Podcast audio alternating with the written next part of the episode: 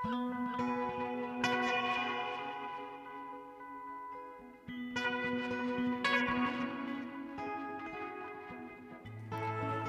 Karms, 80 ára gömul ræða, Tetrapakk fjölskyldan og harmleikur hennar og Susan Sontag í Víðsjá í dag.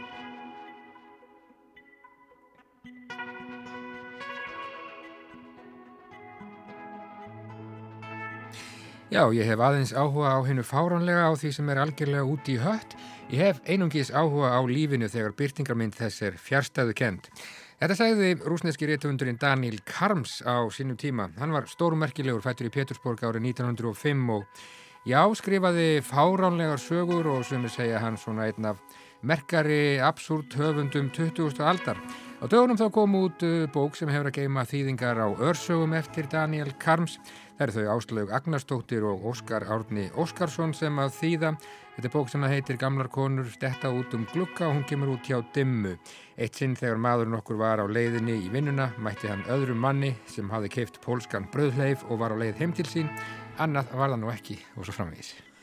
Já, það er bókaslagsið hjá okkur í dag. Þórti Skísladóttir ætlar að segja okkur fyrir bókinni Mayhem, a memoir eftir Sigrid Rásing sem að segja frá því hvernig það var að alast upp í einni af 20 ríkustu fjölskyldum heims sem að byggði auðsinn á tetrapakk drikjarferðnu framleiðslu.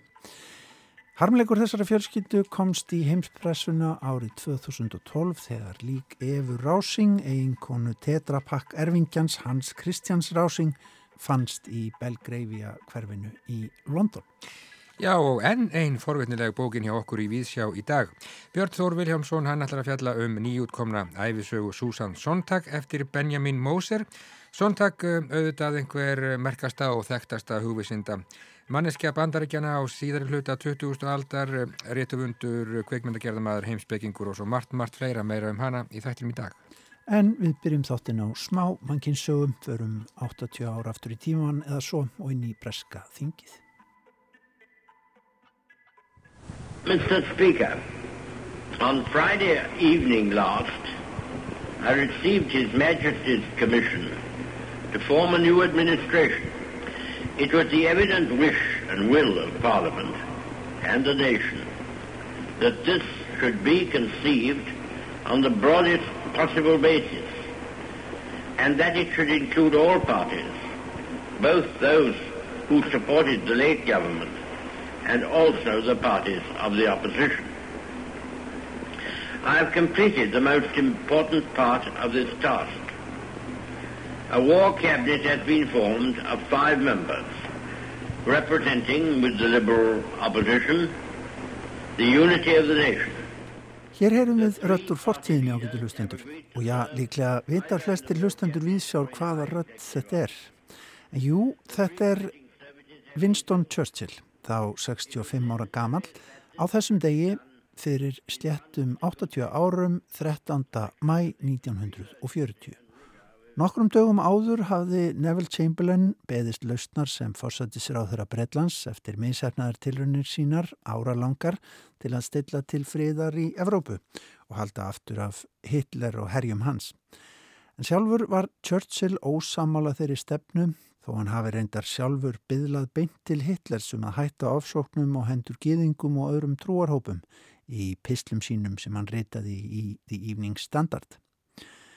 Eftir að friðþægingarstefna Chamberlains beigð skiprót og þýskur herr réðstinn í Póland, lístu Breitland og Frakland stríði á hendur þjóðurum í september byrjun 1939.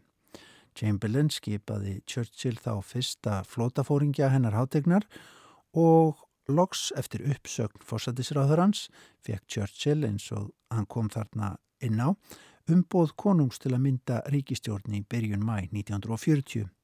Þá hafðu Belgia, Luxemburg og Holland verið herrtekinn af þýskum herr, Frakland var næst í rauðni. Og þann sama dag, sama dag og breskur herr kom til Reykjavíkur, tók Winston Churchill við ennbætti fórsættisráðara Breitlands. Að lesa sér til um tímalínu þessara daga er svimandi en maður leiðir hugan að krísustjórnun og álægi á stjórnmálumenn. En í ræðunni frá 13. mæði 1940 sinni fyrstu ræðu sem fósættisáð þeirra í Breska þinginu, skýrði Churchill þinginu frá skipan herraðsíns, þar sem að fyrrum fósættisáð þeirra Neville Chamberlain satt í fyrstu meðal annara. En áðurinn við komum að frægu orðunum sem að Churchill endaði þessa stutturæðu sína á, skulum við heyra fréttaauka úr útvarpinu frá árinu 1964 og gamli maðurinn orðin nýræður. Þá fór fréttamaðurinn Tóról Smith hér í ríkisútvarpinu yfir nokkur atriði í æfi Winstons Churchill og rakti til dæmis ættir hans ansi langt aftur í aldir. Fullu nafni heitir maðurinn sem sumir kalla mestan mann með að breyta sem upp hefur verið Leonard Winston Spencer Churchill og í dag er hann nýræður. Hann er fætur í Blenheim Kastalasson og Randolphs mikilshæf stjórnmálamanns sem mjög komið sög á sinni tíð en móður hans var bandarísk. Hann er afspringur Malboro þess sem að frægastur þótt af hersöðingi þessum börðist við Lúðvík 14. á sinni tíð. Churchill hefur lífað æfintýralegu og að flestu leytið ásamlegu lífi. Að minnst að kosta mætti kalla það ríku lífi. Ekki er það engöngu vegna þess að störf hans í ofnbyrra þáu spanna yfir valdatjöfumbil 6 breskra fjóðhengja, Viktoríu drottningar, Játvarða 7. Georgs 5. Játvarðar 8. Georgs 7. og svo loks núvarandi fjóðhengja, Elisabethar annarar og verið það þó æri nóg. Churchill satt á þingi um 6 áratugi var fyrst kjörinn þingmaður árið 1900 og ekki ríkja langt síðan hann satar þingfundi síðasta sinn. En hann hefur verið um flesta hluti táklaræðin dæmi um það besta í færið þjóðarsinnar og raunar allra þjóða. Hann hefur sínt dæmalösa þraut sig og djörfung sem aldrei brást, á hverju sem dundi. Ræður hans tekið margar klassískar og til þeirra verður vittnað meðan ennsk þungar töluð. Rítöfundur hefur hann verið óheimja afkasta mikill samfar hennum markháttuðu trúnaðastörfum sem honum hafa verið falin. Eftir hann líka geysileg rítverku um báðar heimstærialdinar, verkum hinnar enskumælandi þjóður og ótal margt fleira. Enda sæmdur bókmæntavelinu Nobels, auk ótal heiðursmerkja og doktor er hann við fjölmarka háskóla. Churchill var ráður í báðum heimstærialdunum. Í henni fyrri þó ekki nema hluta þess tíma og þá umdeldur flótamálar á þeirra einhverjum fyrir hérna djarflegu landgöngu bandamann á Gallipoli-skaga 1915. En honum var það að þakka að breski flótum var tilbúin er hildarleikurinn hófst sumar 1914. Hann hlaut mentun sína við um kunna Harrow mentaskóla og síðar við herskólan í Sandhurst. Stundað auk þingmennskuna sem fyrir geti bladamennsku og var raunatekinn höndum sem bladamæður í búastriðinu um aldamótinu en það sem endast mun honum til fræðar meðan aldir renna er þó hlutur hans í síðari heimstyrjöldinni. Þegar hann tók við forsætisáður ennbætt af Chamberlain í mæ 1940 streymdu herirnir fram því henni þýsku eins og óstöðandi elfur, Frakland fjell og bráttur öllu vestur-Európa, frá Volgu í austri til Ermarsunds í vestri og frá Norðurhöfða í Noregi, Sur og Líbíuðinir á valdi þjóðarja. Þá var það sem Churchill ekki aðeins stappaði stálinn í umsetna eið þjóð, landa sína, heldur og hjælt á loft kindli frelsisins í því svartnætt og vonleysi sem grúpði yfir alla álfunni. Hann gerðist samnefnari og forvíðis maður frjálsra mann um alla álfuna og raunar um heim allan. Þótt fjárstað að verða að þakka Churchill allt um farsæl endalóksirjaldarinnar, þá er það þó víst að engin einn maður á þar jafn mikinn heiður. Fyrir þetta hillir allur heimurinn Winston Churchill nýræðan í dag. Saði fréttamaðurinn Tóról Smith í útvarpinu 1964 um hinn nýræða Churchill og æfi hans. Lokin á ræðunni frægum sem fórsættisráður hann nýji flutti 13. mæ 1940 fyrir nákvæmlega 80 árum eru með þeim allra allra frægustu af ræðu brotum hans. Þetta verður blóð, vinna, sviti og tár, saði Churchill en ekkert annað kemur til greina en sigur. Við lofum þessari 80 ára gamlu kvartningu að hljóma hér í Vísjá. Þetta eru loka orðin. I would say to the House as I said to those who have joined the government I have nothing to offer but blood, toil, tears and sweat. We have before us an ordeal of the most grievous kind. We have before us many, many long months of struggle and of suffering. You ask what is our policy. I will say it is to wage war by sea, land, and air with all our might and with all the strength that God can give us. To wage war against a monstrous tyranny never surpassed in the dark and lamentable catalogue of human crime. That is our policy. You ask, what is our aim? I can answer in one word, victory.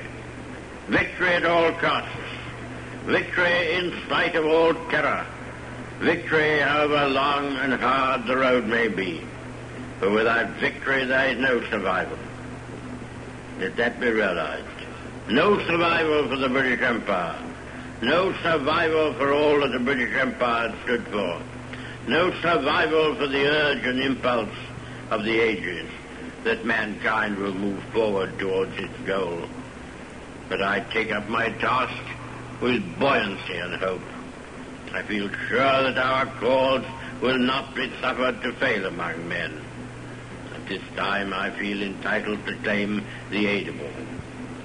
And I say, come then, let us go forward together with our united strength.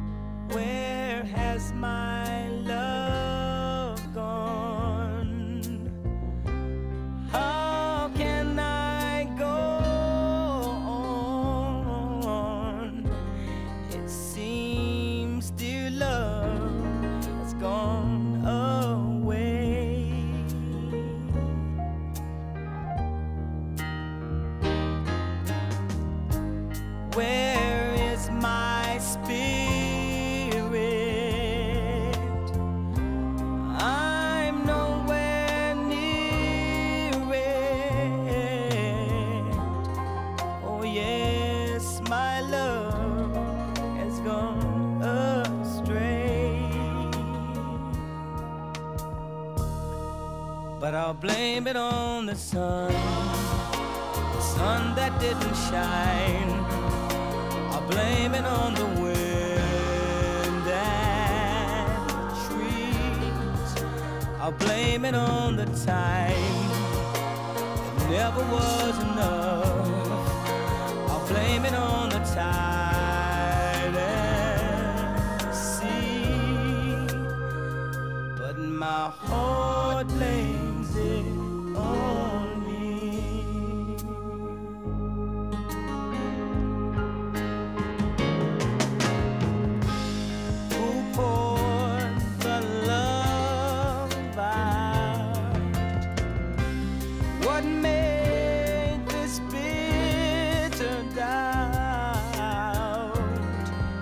peace not here for me to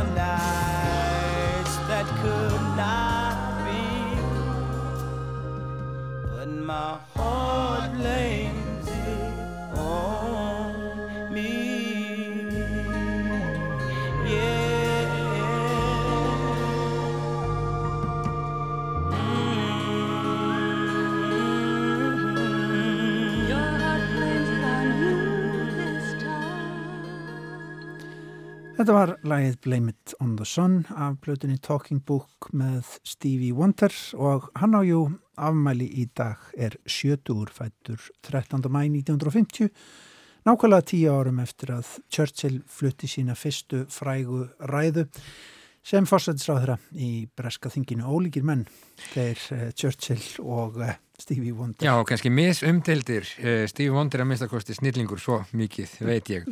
En þá ætlum við að snú okkur að nýri æfisögu um konu sem að var heldur betur merkileg. Björn Þór Viljámsson, hann hefur verið að lesa. Við þekkjum kannski fæst Susan Rosenblatt en öðru máli gegnur um nafnið sem hún tók upp, Susan Sontag. Að baki þessu fallega og stuðlaða nafni liggur svo höfundarverk sem á sér vart sinn líka. Sontag var rétt orðin þrítug þegar reytgerð hennar Notes on Camp eða A2S-emdir um Camp gerðana fræga árið 1964 og miðlægri stöðu sinni í menningunni hjælt hún næstu fjóra áratvíi eða allt fram til endalokana ársins 2004. Ári fyrir andlátið gaf hún út bókina Regarding the Pain of Others eða um sársöka annara eins og hún hétti íslenskri þýðingu hins íslenska bókmyndafélags. Þar fjallaði sondtak um ljósmyndir, líkt og hún gerði í einn af sinni þekktustu bókum on Photography eða um ljósmyndun frá árinu 1977. Sontag gekk í mörg ólík hlutverk á þessu tímabili frá 1964 til 2004. Með reitgerðinni um kamp gerðist hún brautriðjandi þess sem löngu síðar var þekkt sem hinsegin fræði með ímyndunarabli hamfarana skrifaði hún fyrst fræðimanna um vísindaskálskaparmyndir líkt og þeir skipti í raun einhverju máli og múrin millir hámenningar og lámenningar var aldrei samur. Framan af ferlinum var hún einn helsti talsmaður þegar viðhorfa sem við í dagmyndum kenna við postmodernisma.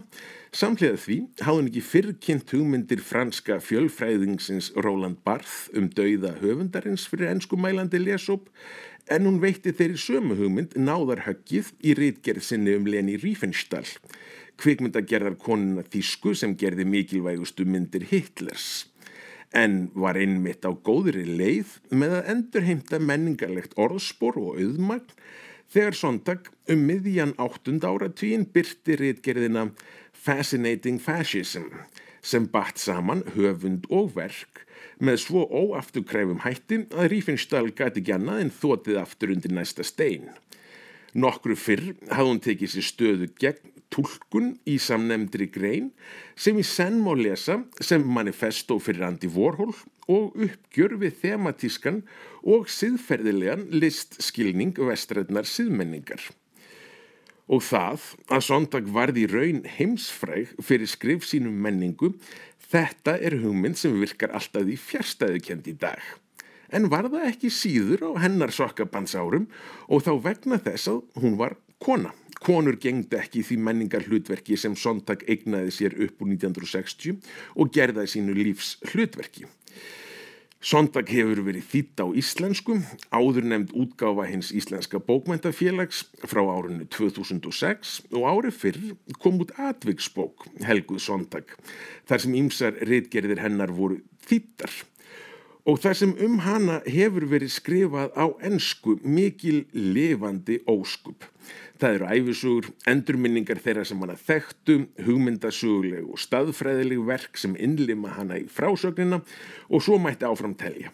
En síðasta haust kom út það sem ég sínist ætla að verða hinn endanlega æfisaga í öllu fallum nokkra hríð en það er bókin Sondag eftir Benjamin Moser, ríflega 800 síðuna þverhandar þykkur hlemmur sem gerir viðfangsefni sínu skil með afar tæmandi hætti. Bakgrunnur Sondag, æska og mentun, fyrstu skref, menningar umhverfið sem mótaði hana og menningar umhverfið sem hún svo mótaði, allt er þetta kallað fram með bísna ljóslefandi hætti. Móser stiðst mikið við dagbækur sondag sem gefnar voru út í tvennulægi árið 2008 og 2012. Reborn eða Endurfætt nefndist fyrri útgáfan og svo síðari As Consciousness is Harnessed to Flesh eða eins og vitundin er spennt fyrir holdið.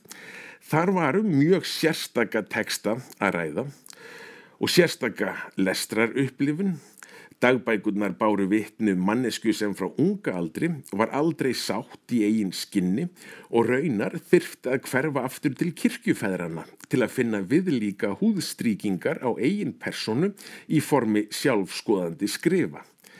Þannig að svo staðrind að æfisaga Mósers sé á köplum gaggrinin á sondag þarf ekki að koma á óvart. Sondag var alla sína æfi afskaplega gaggrinin á sondag og Móser, ef eitthvað er, setur sjálfskoðun viðfangsefnisins í samhengi og mildar dregur úr. En svo gerist það upp úr miðri bók að Móser hálpartinn sínir spilin. Höfundur æfisögnar viðkennir að hann er í raun afskaplega lítið hrifin af viðfangsefni sínu. Nú er samband æfisagnarritara og viðfangs mjög sérstakt. Það er afskaplega náið nánara jafnvel en nokkuð annað samband nokkuð tíman er ef með er tekið af upplýsingamagni og úrvinnslu og auðvitað getur ímislegt farið úrskeiðis. Charles Kinbody er kannski ávalt í felum í bakgrunninum en það er sjálfgeft enga síður að verða vitnað áreikstri á þekkum þeim sem á sér stað í síðari hluta sondag æfisugunar. Og í raun er erfitt að ímynda sér hvernig Móser gerði það sem hann svo skýrlega gerði, sem er að verja árum í að fara í gegnum hvert einasta smáatriði varðandi lífsontak, tala við hundruði viðmælenda, þau lesa hvert einasta orð sem eftir hann að liggur og skrifa svo nær þúsund blaðsýður um niðurstöðina. Því eftir hérum byl 1980, þegar sontak hefur náð hápunkti fræðar sinnar, þá gerir hún í raun fátt sem Móser hugnast en sérstaklega misbýður honum það sem hún lætur ógjert eins og sportna gegn feminíska bakslæginu sem einmitt var áberandi um það leiti sem Regan var kjörin í embætti og að koma ekki út sem lesbija eða tvíkinnið kona meðan á alnæmis faraldrinum stóð. Oftast finnst lesanda eins og Móser gangi þarna heldur langt, hælbítar eru aldrei sjarmerandi og sem leiðis er dálítið eins og refsandi andi dagbókana hafi umbreyst í trilltan ólimpískan Karl Gvuð sem geti sennilega betur fundið sér annað til dundurs en að dæma konu úr fjarlægð og aftur og aftur. En afstafa höfundar er eitt. Heiðarleikin er samt nægur til að frásögnin missi aldrei tenginguna við það sem hér er í raun áhugavert sem er einstakt lífslöp konum sem hóf ferilinn sem menningar rínir á jæðrinum og endaði sem holdtekja þess sem menningar hugtakið stendur fyrir og við viljum varðveita.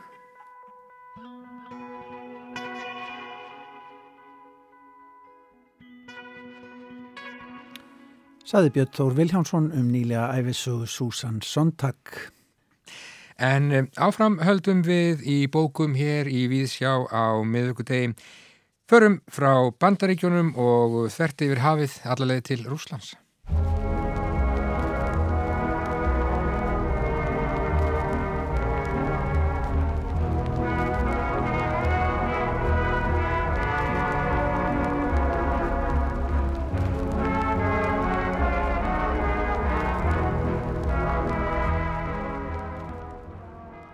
Gamlar konur dett út um glugga. Gömul kona stiftist út um glugga af því hún réði ekki við forvitni sína.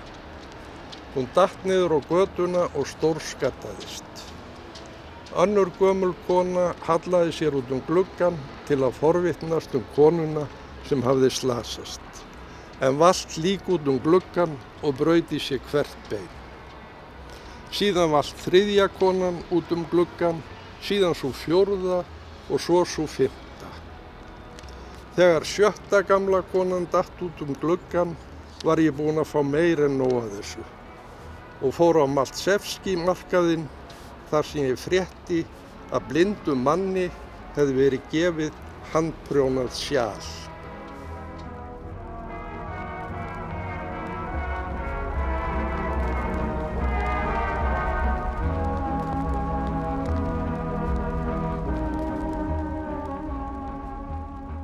Ég hef aðeins áhuga á hinnu fáránlega, á því sem er algjörlega út í hött. Ég hef einungis áhuga á lífinu þegar byrtingarmynd þess er fjárstæðukent.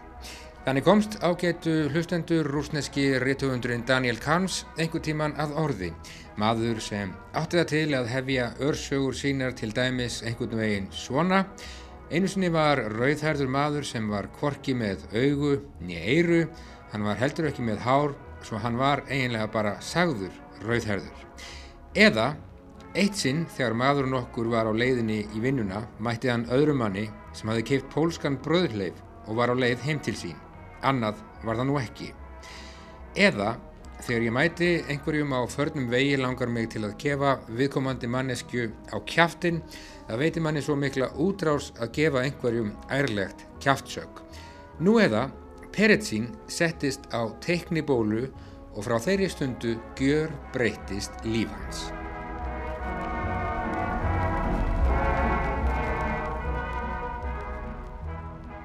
Daniel Karms hefur í setni tíð verið talinn einn fremsti höfundur absúrt bókmynda í hennum vestræna heimi. Hann fættist í Pétursborg 30. desember árið 1905 og varð með tímanum þekktur sem sérlundaður framúrstefnu listamaður og höfundur barnabóka sem komu út á þriðja og fjórða áratug síðustu aldar. Þau verk sem að hann er nú þekktastur fyrir og ruttu sum hver brautina fyrir absúrdisma af ymsutægi í bókmyndum komu ekki út fyrir að honum látnum. Gans reyndist á sínum tíma nánast ómögulegt að gefa út verk sín og hann var lít þekktur á Vesturlöndum þanga til seint á 20. öld þegar sögur hans fóru að koma út á ennsku og fleiri tungumálum. Karms komst á Stalin tímanum upp á kant við stjórnvöld, hann var fangilsaður tvísvar og gerði sér um síður upp geðveiki og var lagðurinn á geðveikrahæli þar sem hann svalt í hel í umsátrinu um Leningrad í februar árið 1942. Sögur Daniels Karms það er einkennast af kólsvörtum húmor. Hann var absúrdisti löngu á undan UNESCO og öðrum höfundum absúrd leikhúsins um og upp úr miðri síðustu öld. Hann sótti í mistara vittlusunar menn á borði Lewis Carroll og Gogol. Sögur hans eru fyndnar, kaltæðnar, frumlegar, ofbeldisfullar og já, fáránlegar. Fáránleiki hans vegur salt á milli hláturs og hrollvekju skrifar Árni Bergmán í eftirmála í bók sem hefur að geima þýðingar hans á sögum Daniels Karms og kom út í tímaritsefti Bjarts og frú Emilju árið 2000. Í sögum hans er börnum fargað og á vegi okkar verða reykjandi kettir með glerugu. Þetta er hlægilegt og hrollvekjandi í senn Oftar en ekki enda sögur Daniels Karms algjörlega í lausu lofti úti í miðri mýri, annað var það nú ekki og svo framvegis. Jarðarför Kulakov kom sér vel fyrir í djúpum hægindastól og sopnaði að bræði. Hann sopnaði sitjandi og nokkrum klukkustundum síðar vaknaði hann í líkistu. Kulakov varð skjelvingu lostinn þegar hann áttaði sig á því að hann lægi í líkistu. Hvert sem hann leitt sá hann eins og í gegnum móðu aðeins blóm, blóm í korfum, blómvendi með silkiböndum, blómakransa og stök blóm sem lága víð og dreif. Það er verið að jarða mig, hugsaði Kulakov með hryllingi. En allt í einu fann hann fyrir einhvers konar stolti. Að hann, þessi ómerkilega persóna, var í lögð til hinstu kvílu með svona mikilli viðhöfn og með allt þetta blómaskrúð í kringum sig.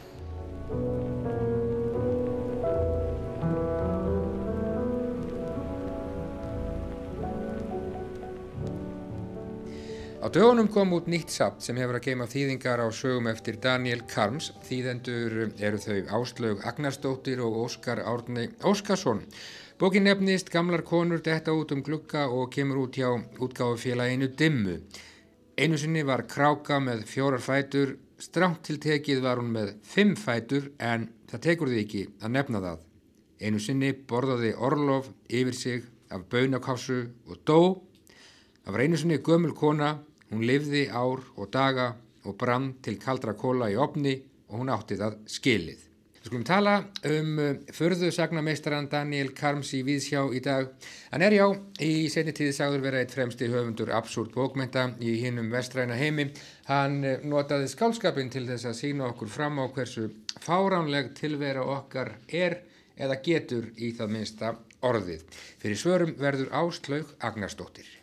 Já, hann var ekki mjög þekktur meðan hann livði og uh, alls ekki á Vesturlöndum. Hann var nú eitthvað þekktur á, sko, í Rúslandi en, uh, en samt vegna þess að hann fekk eiginlega ekkert útgefið. Þá var hann ekki mjög þekkt, ekki þekktur meðan hann livði. Nei. En uh, hann livði sem sagt af því að skrifa barnasögur og ljóð og það fekk hann að gefa út sem sagt flestu klárin nema árið 1937 þá varð honum á að, að byrta ljóð í tímariti sem sagt þetta var ljóð fyrir, bad, fyrir börn og uh, fjallaði um mann sem gekk út í búð til að kaupa sér tóbak kom ekki aftur heim. Já. hvarf sem sagt og þetta svona sögur voru ekki vinsælar. Og þá fjall hann í ónáð og eftir þetta sem sagt fekk hann ekkert útgefið þessi fjögur ár sem hann átti eftir ólifið hættulegt að skrifa um mann sem að hverfur á, á tímum, tímum Stalins í, í Sovjetregjónum en eh, já, þessar sögur hans Daniels Karms þær eru ótrúlega skemmtilegar og fáránlegar kaldhæðnar og absúrt og já, ofbeldisfullar líka. Það er hans í margt sem kemur saman í þessu. Þú skrifar skemmtilegan eftirmála við útgáfuna og þú já, ert nú bendir á það að hann hafi verið svona kannski að, já, sína okkur fram á fáránleika tilverunar og þetta sé nú, já, oft kannski jafnvel dýpra en, en það verðist vera í, í fyrstu. Já, hann lifir náttúrulega á mjög sérstökum tímum. Hann er að gefa út aðalega á þriðja og fjórða ára tíu síðust aldar og það eru mjög erfiðir tímar í Rúslandi. En samt sko verða mikla breytingar á þessum árum, sko á þriðja áratögnum var nú ennþá talsvert frelsi og hann gat skrifað ímislegt sem að semst á fjórða áratögnum gekk bara alls ekki. Hann stopnaði nú uh, félag, samtök Óberjú sem þýðir eiginlega samtök um, raunverulega list á samt félögum sínum tveimur og uh, sem var mjög skamlíft reyndar en þeir voru aðalega með svona uppákomur og uh, Leikhús og fleira. já, leikhús og alls konar gjörninga og þeir gáf ekki mikið út og svo leistist þetta upp uh, þreymur árum síðar þegar þeir voru báðir handteknir. Já. En þeir setja upp þarna leikrit eftir Karms hvað 28 sem að vakti aðtikli og kannski var, já, hann var svona kannski bara dálítið á undan einu fræga absúrt leikhúsi sem að blómstræði um, já, svona miða síðustu öld og upp úr henni. Já, hann var eiginlega undanfari í UNESCO Já, og þeirra félaga en hérna, þetta leikriti mitt var flutt einu sinni held ég bara og fjallaði um uh, konu sem að uh, er ákjærð fyrir glæp sem hún á eftir að fremja og þetta var bara flutt einu sinni sem sagt og heiti Jelisaveta Bam. Já, nákvæmlega.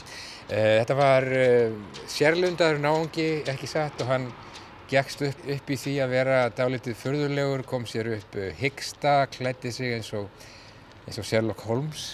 Já, hann var mjög hrifinn af Sherlock Holmes og það er sagt að þetta dulnefni hans Harms sé myndað úr ýmsum orðum sem að tengjast Harms, nei, Holmes Já.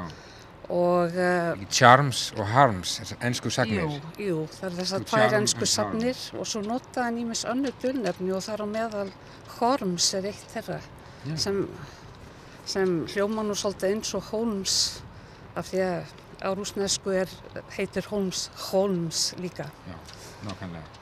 En hans svona, hvað ég að segja, stefnu skrá og, og, og sín á lífið, um, ég hef aðeins áhuga á hennu fáránlega á því sem er alveg út í hött, ég hef einungis áhuga á lífinu þegar byrtingarmynd þess er fjárstæðu kent. Já, þetta er sem sagt hans svona, þetta byrtist í dagbókin, dagbókunum hans Já. 1937, sem sagt sama ár og hann var eiginlega fjall í ónáð og uh, hann var, sko, hann var eiginlega bæði raun, raunsær og uh, já, hann var bæði íhaldsamur og, og róttækur, má segja. Já. Og hann var sko róttækur í því að hann vildi breyta, hann vildi neyksla, hann vildi ganga fram á fólki og gera eitthvað nýtt. en hann var líka íhaldsamur vegna þess að hann, það var margt sem að fyldi byltingunni sem, hann, sem honum líkaði ekki. Já, um mitt. Hann hefur verið svona þversagna kendur á þessu leiti. Já, hann var það svolítið, Já. en hann náttúrulega á fjórða áratugnum þá er, þá er verið að setja svona stífa reglur um eh, sem sagt, hvað rithöfundar mega skrifum uh, þeirra skrif eiga vera í anda sósjalrealisma og þetta líka var náttúrulega alls ekki, þetta var mjög fjari hans Já. hugsunar hætti. Að sjálfsögðum. En það líður svo langur tími til að, uh, já, sovjetmenn eða rússar fara að, að, að púka upp á Daniel Karms, það er bara ekki fyrir en á tímum Gorbatsjovs, einhvern tíman á, nýjunda áratugnum, seint og um, um síðir. Daniel Karms uh, andaðist eins og áður segir í, á Geðvikra hæli árið 1942, en þessi höfundur, já, hann er, hann er í dag bara, já, talin einn af, af fremstu höfundum absúrt bókmenta í, í hinnum vestræna heimi. Já, hann er það svo sannarlega. Uh, sko þeir byrjuðu þeir gáfi reyndar út uh, barnasögurnar hans 1962 og ég framhaldar því. En uh, heldarverk hans kom ekki út í Rúslandi fyrir 2002. Já. En hann er mjög þekktur í dag, bæði fyrir vestan og, og austan og þykir einn af þeim allra bestu.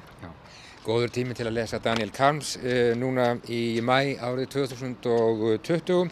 Þessi fína bók komin út hjá Dimmu, gamlar konur detta út um glugga og já, þar getur svo sannlega margt gerst. Konur detta út um glugga við hittum ketti sem að ganga með glerugu og reykja pípur. Börnum er fargað og þannig mætti lengi áfram telja hrikalega skemmtilegt. Ég segi bara takk fyrir komuna. Áslögu Agnarsdóttir og takk fyrir lesturinn Óskar Árni Óskarsson. Um Púskin. Það er erfitt að ræða um Púskin við mannesku sem veit lítið sem ekkert um hann. Púskin er stórbrotið skáld. Napoleon er ekki einn stórbrotin og Púskin. Og Bismarck er bara null og nix í samanburði við Púskin. Alexander fyrsti og annar og meirað segja Alexander þriðji eru bara tóm fróða miða við Púskin. Ef satt skal segja, þá eru allir bara tóm fróða miða við Púskin. Nema Gogol. En í samanburði við hann er Púskin ekkert nema fróða. Þess vegna ætla ég frekar að skrifa um Gogol en Púskin. Egið síður er Gogol svo stórbrotinn að það er heldur engin leið að skrifa um hann.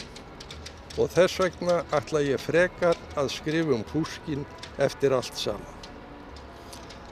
En fyrst við erum að tala um Gogol, þá er næstum vonlust að skrifa um Púskin. Og það er ekkert hægt að skrifa um Gogol. Þess vegna er best að skrifa ekki neitt um neitt.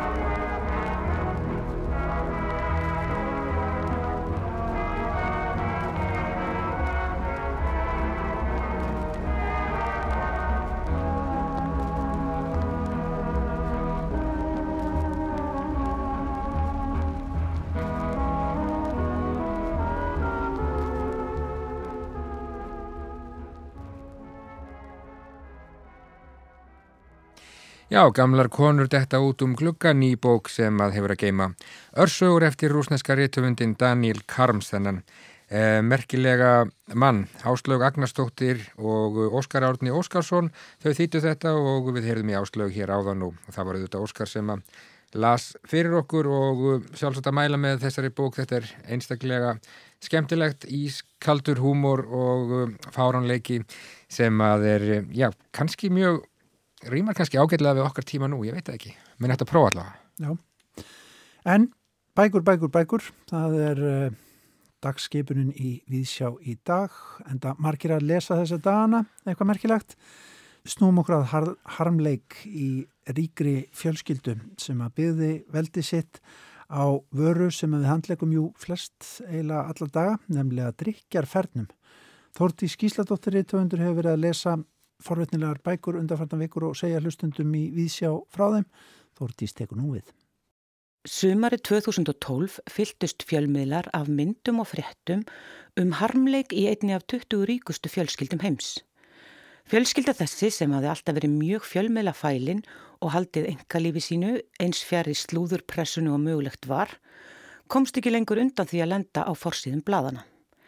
Eva Rásing, fætt 1964, hafði fundist látin af völdum ofskamtsfíknefna á heimili sínu í Glæsihísi í Belgravia í London. Eva þessi var eiginkona Hans Kristjáns Rásings, tæplega 50s erfingja drikjarferðnu veldisins Tetrapak. En Eva Rásing var ekki ný látin. Hans Kristján hafði látið lík eiginkonunnar liggja og rótna bak við luktardyr í tvo mánuði. Bæði hjónin voru háð vímuöfnum, þau voru einnig foreldrar fjögur að barna og þekkt par í samkvæmislífi ríka og hressafólksins í Lundunaborg. Fimm árum eftir að lík Efi fannst gaf Sigrid Rásing, sýstir Hans Kristjáns, sem er árinu eldri en hann, út bók. Þar segir hún frá sænskur Rásing fjölskyldinni, æfi þeirra sískina, lífi bróður síns fíkilsins og aðdraðanda dauða mákonunar. Sigrid býr í Englandi, hún er með doktorspróf í mannfræði og er eigandi bókaforlagsins Grantabooks þar sem hún er forleggjari og reittstjóri. Bók Sigrid hefur titilinn Mayhem a Memoir. Ég veit ekki almenlega hvernig á að íslenska hugtaki Mayhem, upplaust, ringulreið, öngþveiti, limlestingar koma upp í hugan en samkvæmt orðsifjabókinni er orðið Mayhem skilt íslensku sögninni að meiða. Sigrid Rásing skrifar Að neyðast til þess að verða vittni að ofneislu fíknefna er skelverið erfitt. Sem aðstandanda skipti það með engum máli hvort þetta væri ofinbert eða ekki. Áhyggjurnar voru slíkar að fyrirsagni bladana skiptu engum máli. En ég vildi ekki að fjölmiðlar slæju eign sinni á söguna. Mayhem er áhrifarík bók um sássaka fullan raunveruleika aðstandenda fíkla. Af hreinskilni og virðingu miðlar Sigrid Rásing reynsluna af því sem hún hefur upplifað með fjölskyldu sinni. Örvandingu, vonum, Vombrygðum og ángist er líst af einlægni og skerpu en tekstin er lámaltur og oft svolítið dáleðandi. Höfundurinn saði viðtali þegar bókin kom út að hún triði á mikilvægi hins skrifaða orðs en það eru skriftir og rittstjórn hennar daglega yðja. Sigrid Rásing segir frá barnæskunni með litla bróðu sínum krútlegum krakka sem var sólgin í kakomalt en breyttist á skömmum tíma í heroinfíkil um tvítugt. Rásingsískinin eru þrjú, Lísbeth, Sigrid og Hans Kristján. Þau fættist með skömmu millibili og ólist upp í Lundi í Svíþjóð hjá fóröldurum sínum Merit og businessmanninum Hans Rásing en fadir hans, Rúben Rásing, afi sískinina, var einn af stopnundum Tetrabakk. Við þækjum öll þær drikjarfernur. Sigrid Rásing lærði sagfræði og mannfræði og varði doktorsritgerð við University College í London. Ritgerðin fjallar um Sovjetveldin eftir fall Sovjetríkjana. Hún dvaldi í tvö ár á samirkibúi í Eistlandi við doktorsrannsóknirnar. Sískinunum lýsir Sigrid þannig að þau hafa verið mjög lík sem börn, ekki síst hún sjálf og hans Kristján.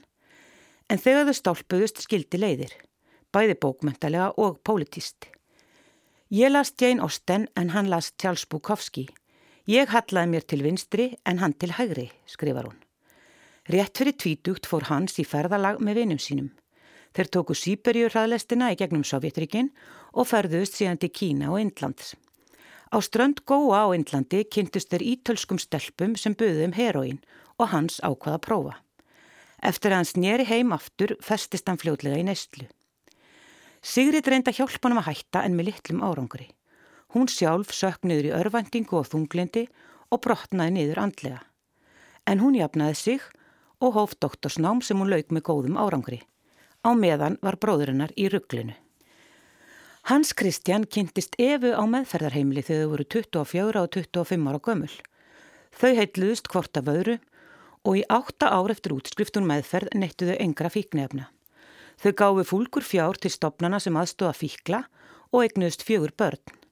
En á gamláskvöld árið 2000 skutuðu tappa úr kampavinsflösku, drukkuð það sem var í flöskunni og snýru sér svo að sterkari efnum. Við tóku 12 skjálfileg ár. Ég var 38 ára þegar þetta hófst og 50 þegar því lauk, skrifar Sigrid Rásing í bókinni Mayhem. Það 9. júli árið 2012 var Hans Rásing stöðvaður á bíl. Láreglann tók eftir því að eitthvað væri undarlegt við aksturflægið. Í bifriðinu fundust fíknefni og krakkpípa. Þetta var til þess að Láreglann sótti sér heimil til húsanansóknar. Þá fannst lík yfir Rásing. Það hafi leið í tvo mánuði í rúminu Læknir staðfesti síðar að dánarósök varu ofskamtur og hún hefði að öllum líkjundum látist 7. mæ. Líkið var vafiðin í ábreyðu, ofan á henni var sæng og þar ofan á hafi verið staplað fjölmörgum sjónvarskjám. Hans Kristján, frávitað neistlu, afneitaði því að konan hans væri liði lík. Ég gatt ekki horst í augu við þann raunveruleika að hún var í dáin. Ég reyndi bara halda áfram að lifa líkt og þetta hefði ekki gerst og ítti frá mér öllum spurningum um hvar hún væri, sagði hann í yfirreysli á lauruglunni. Hans rásing horfi á yfirtaka skamtinn sem varðin að banna en gaf síðan ekki viðkent að hún var í dáin. Nokkrum árum áður hún lést höfðu börnin verið dæmt af þeim, Sigrid sýstir hans fekk forræði við þeim. Sigrid Rásing skrifar Ég hugsaði mikið um fyrirbærið fjölskyldu og hvað fælst í því að vera fjölskylda. Hvar liggja mörkin varðandi ábyrð? Hans og Eva elskuðu börnin sín, heldur hún áfram, en verður ekki hugtakið ást klísukent þegar talaður um foreldrahlutverkið. Hvaða merkingu hefur það að elska ef fíknefnin ganga alltaf fyrir? Það tekur á að lesa um réttarhöldin þegar Sigrid berst fyrir því að fá forræði yfir börnum bróðu síns. Eva gerir það sem hún getur til að spyrna á móti.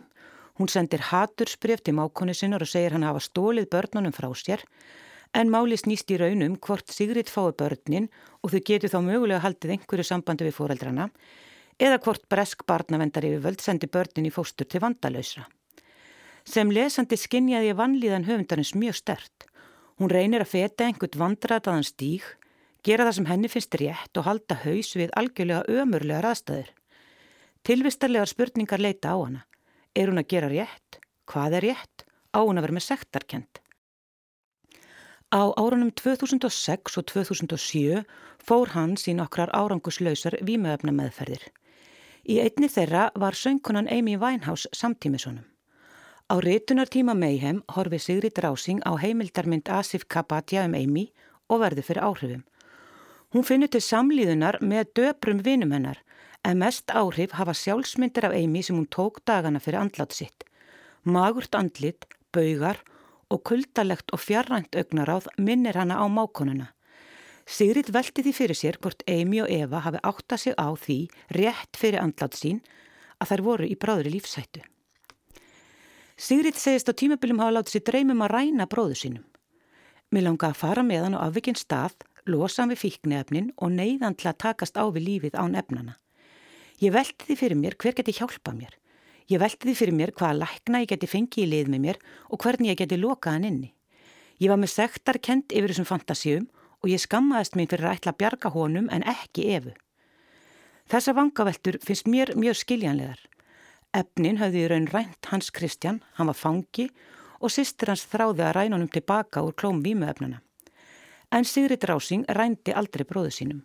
Hún barðist í réttarsal og fekk að taka börnin hans að sér þegar fóreldarnir voru orðni vanhæfur til þessa hugsun þau. Hún misti kjölfarið alveg samband við hans en áttu alltaf í einhverjum samskiptum við Efu. Þegar sískinnin hittust og fjallist í faðma tveimur árum eftir lát Efu árið 2014 höfðu ekki sést í sex ár. Í bókinu Mayhem reynir Sigri Drásing að komast í botts í því sem gerðist. Hún leita svara við sársökafullum spurningum sem aðstandendu fíkla standa frammefyrir. Þær spurningar eru margar og við fastum fást eindriðin svör. Mayhem er saga um átakanlegar afleðingar fíkni efna neyslu, áhrifin á fjölskyldu fíklana og vanmátt allra aðstandenda. Eftir lát Efu fekk hans Rásing tveggjára skilórspöndin dóm. Hann var einni dæmdur til meðferðar og fíknideild. Árið 2014 kvantist hann Juliu Delfs Broton, framkvæmdastjóra hjá uppbóðsfyrirtækinu Kristís og meðal gesta í brúðkaupinu voru heimsfrægar popstjörnur og fjölmiðlafólk. Þegar ég sló nafn hans rásing inn í leitarvil í dag, komst ég að því að hösti 2019 leiti hann Lucy, 24 og dóttur þeirra Efu heitinar, upp að alltarinnu þegar hún gifti sig. Það þarf hugur ekki til að skrifa bók eins og meðheim. Ég held að hvati höfundar hafi að töluveru leiti verið að svara slúðurpressunni sem einfaldar flokna hluti, veldi sér af slepjulegri tilfinningasemi upp úr þjáningum fólks og svarar fáum spurningum. Sigrid Rásing segir að erfiða reynslu þurfi að setja í orð. Ekki vegna þess að það þjóni meðferðarlegum tilgangi fyrir skrifaran, heldur vegna þess að þannig megi öðlast skilning á því hvað fælst í því að vera manneskja. Þórtís Gísladóttir Rítufundur segði frá bókinni Mayhem að memoir. Mjög merkilegt og já, gaman að heyra af þessu Gunni Tómasson en við erum komnir á leiðarenda í þessari já, bókavíðsjá í dag. Jú, verðum hér aftur á morgun klukkan 16.05 eins og vennilega, bendum hlustendum á allt efnið sem hættir að nálgast varðandi menningu og listir inn á menningar vef ríkisútarsins rúfmenning.is mælum með þeim á geta vef. Já, en segjum bara annars takk kella fyrir samfélgina í dag, heyrumst aftur á morgun, verið sæl. Verið sæl.